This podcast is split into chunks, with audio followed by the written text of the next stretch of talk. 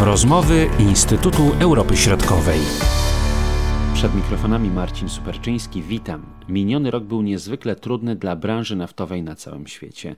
Problemy miały i nadal mają przede wszystkim mniejsze rafinerie, którym z powodu spadku zapotrzebowania na paliwa grozi zamknięcie lub już zostały zamknięte.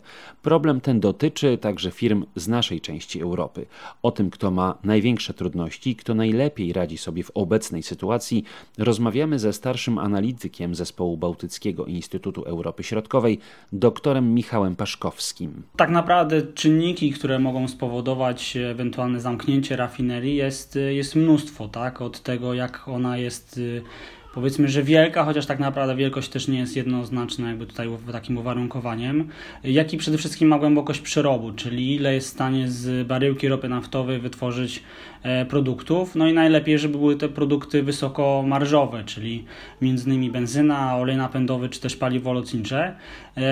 Też jakie jest, kształtuje się w danym regionie zapotrzebowanie na, na, na, na paliwa, e, czy to dana rafineria ma podpisaną jakieś umowy na eksport swoich paliw, czy w danym kraju oczywiście też jak, jak jest e, tutaj są sprzedawane te paliwa. Natomiast faktycznie jakby zdarzają się oczywiście takie czynniki jak na przykład położenie geograficzne, jeżeli na przykład mówimy tutaj o rafineriach położonych nad Morzem Bałtyckim, które mają właśnie jeszcze tą opcję wysyłania, ewentualnie kierowania swoich produktów na eksport, więc to jest taka jeden z elementów, który świadczy o tym, że no, rafineria może znaleźć się w troszeczkę lepszej takiej jakby sytuacji. Chociaż tak naprawdę mówiąc jakby generalnie o sytuacji jakby w całą pandemię, no to ona wpłynęła na funkcjonowanie wszystkich rafinerii i wszystkie rafinerie na całym świecie musiały zmniejszyć przerób. To oczywiste, ale te y, właśnie zakłady, które można powiedzieć zabezpieczyły się w cudzysłowie y, tak wielokierunkowo, to teraz są w lepszej sytuacji. Problem z rafineriami generalnie jest taki, że uwzględniając jakby charakter tych, tej pandemii,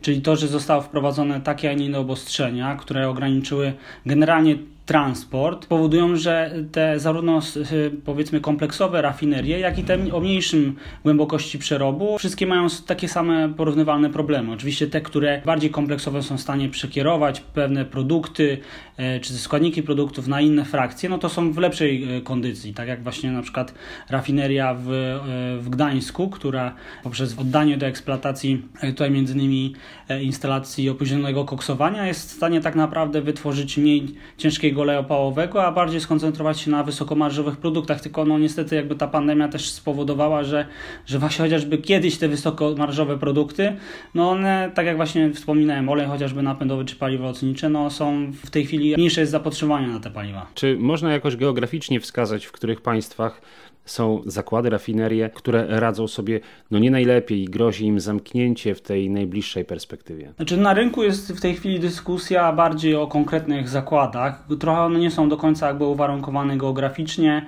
e, bardziej właśnie chociażby głębokością przerobu, posiadanych instalacji i tutaj między innymi dyskutuje się i wskazuje się na rafinerię w Kralupach, należąca do PKN Orlen w Republice Czeskiej.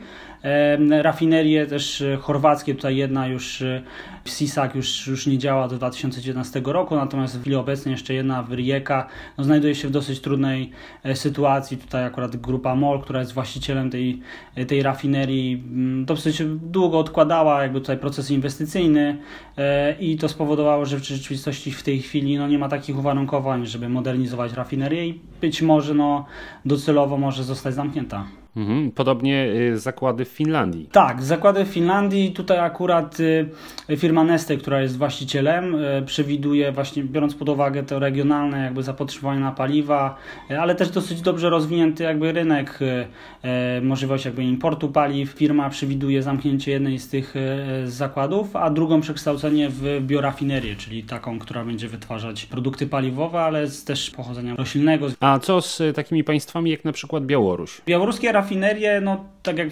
wszystkie znalazły się w trochę trudnej sytuacji. Generalnie w tych rafineriach mamy proces y, inwestycyjny jakby niezakończony, zarówno rafineria w Nowopołocku, jak i w, w Mozyżu jakby jest na finalnych etapie y, tutaj oddawania do eksploatacji nowych instalacji, y, też właśnie jakby zwiększających głębokość przerobu. Musiały zmniejszyć po prostu przerób ropy naftowej właśnie z uwagi na mniejsze zapotrzebowanie na paliwa.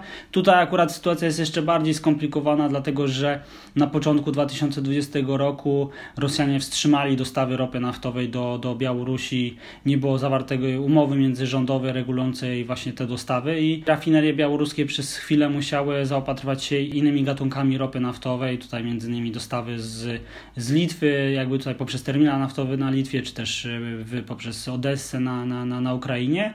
Tutaj były między innymi kupowane ropa naftowa z Arabii Saudyjskiej, z Norwegii, czy też z USA, ale one generalnie dobrze sobie radzą, bo to są dosyć e, nowoczesne e, rafinerie, generalnie mające bardzo dobre e, instalacje. No ale mówię, bardziej takie uwarunkowania chociażby polityczne jakby sprawiły, że, że one w trakcie roku musiały też zmniejszyć przerób, nie tylko spowodowane mniejszego zapotrzebowania na paliwa, ale właśnie jakby tych uwarunkowań jakby politycznych. A co y, z państwami, y, w których są te y, zakłady? Czy państwa wspierają, starają się jakoś jeszcze pomagać tym firmom, no, zagrożonym jednak zamknięciem? To są spółki jakby niezależne. Tak? No, w Polsce akurat mamy tutaj spółki Skarbu Państwa, ale ja przynajmniej nie do końca jakby słyszałem jakiejś form, formach wsparcia.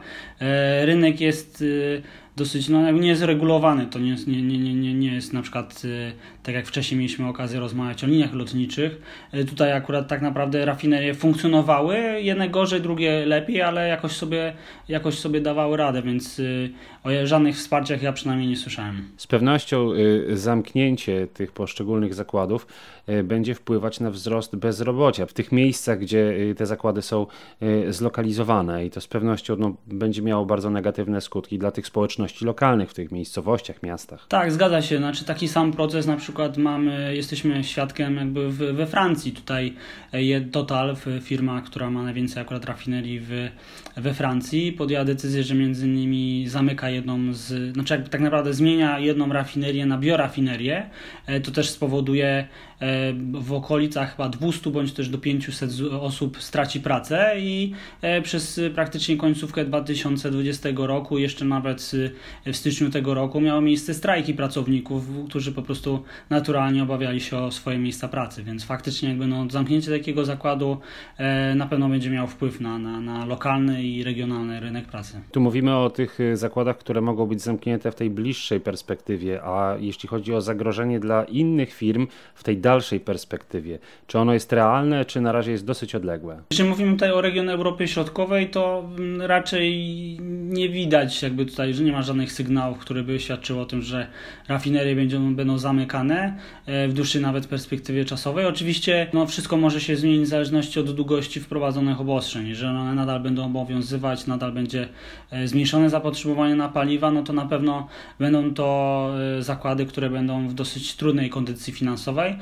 Też uwarunkowania międzynarodowe, jak chociażby porozumienie państw OPEC+, jakby powoduje, jak się kształtują ceny ropy naftowej, poszczególnych też produktów, e, no i to po prostu przekłada się na, na, na marże poszczególnych e, właśnie jakby tutaj produktów, ale nie przewiduję, żeby jak w jakiejś dłuższej perspektywie czasowej e, zamknięte były właśnie inne oprócz na tych, które wspomniałem na początku. To nie pozostaje nic innego tym firmom, tylko przeczekać ten najgorszy czas, no i potem próbować się odbić. Tak, zgadza się, no i liczyć, że pomału właśnie jakby te obostrzenia będą znoszone, przede wszystkim w kontekście paliwa lotniczego, czyli te wszelkie ograniczenia właśnie ruchu, ruchu lotniczego, bo one mają duży wpływ na funkcjonowanie rafinerii. Każda, każda tego typu, takie, każdy tego typu zakład musi wytwarzać całą gamę produktów, oczywiście jedne w mniejszym zakresie, drugie w większym, ale muszą wytwarzać.